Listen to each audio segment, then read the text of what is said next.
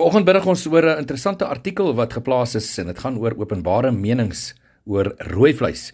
Nou rooi vleisprodusente hoor al vir jare wat hulle doen en hulle late wat 'n ernstige bedreiging vir uh, menslike gesondheid en ook die oorlewing van die planeet inhou. 'n Navorsingsartikel deur die Universiteit van Kalifornië, Davis, wat onlangs in die joernaal Nature Geoscience gepubliseer is, het egter nou bevind dat die, die verwarmingseffek van metaan 30% laer is as wat voorheen aanvaar is.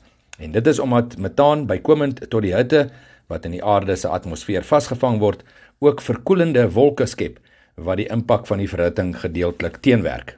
Die verslag vra ook af waar die nodige voedingsstowwe vandaan sal kom indien vleisproduksie verminder sou word.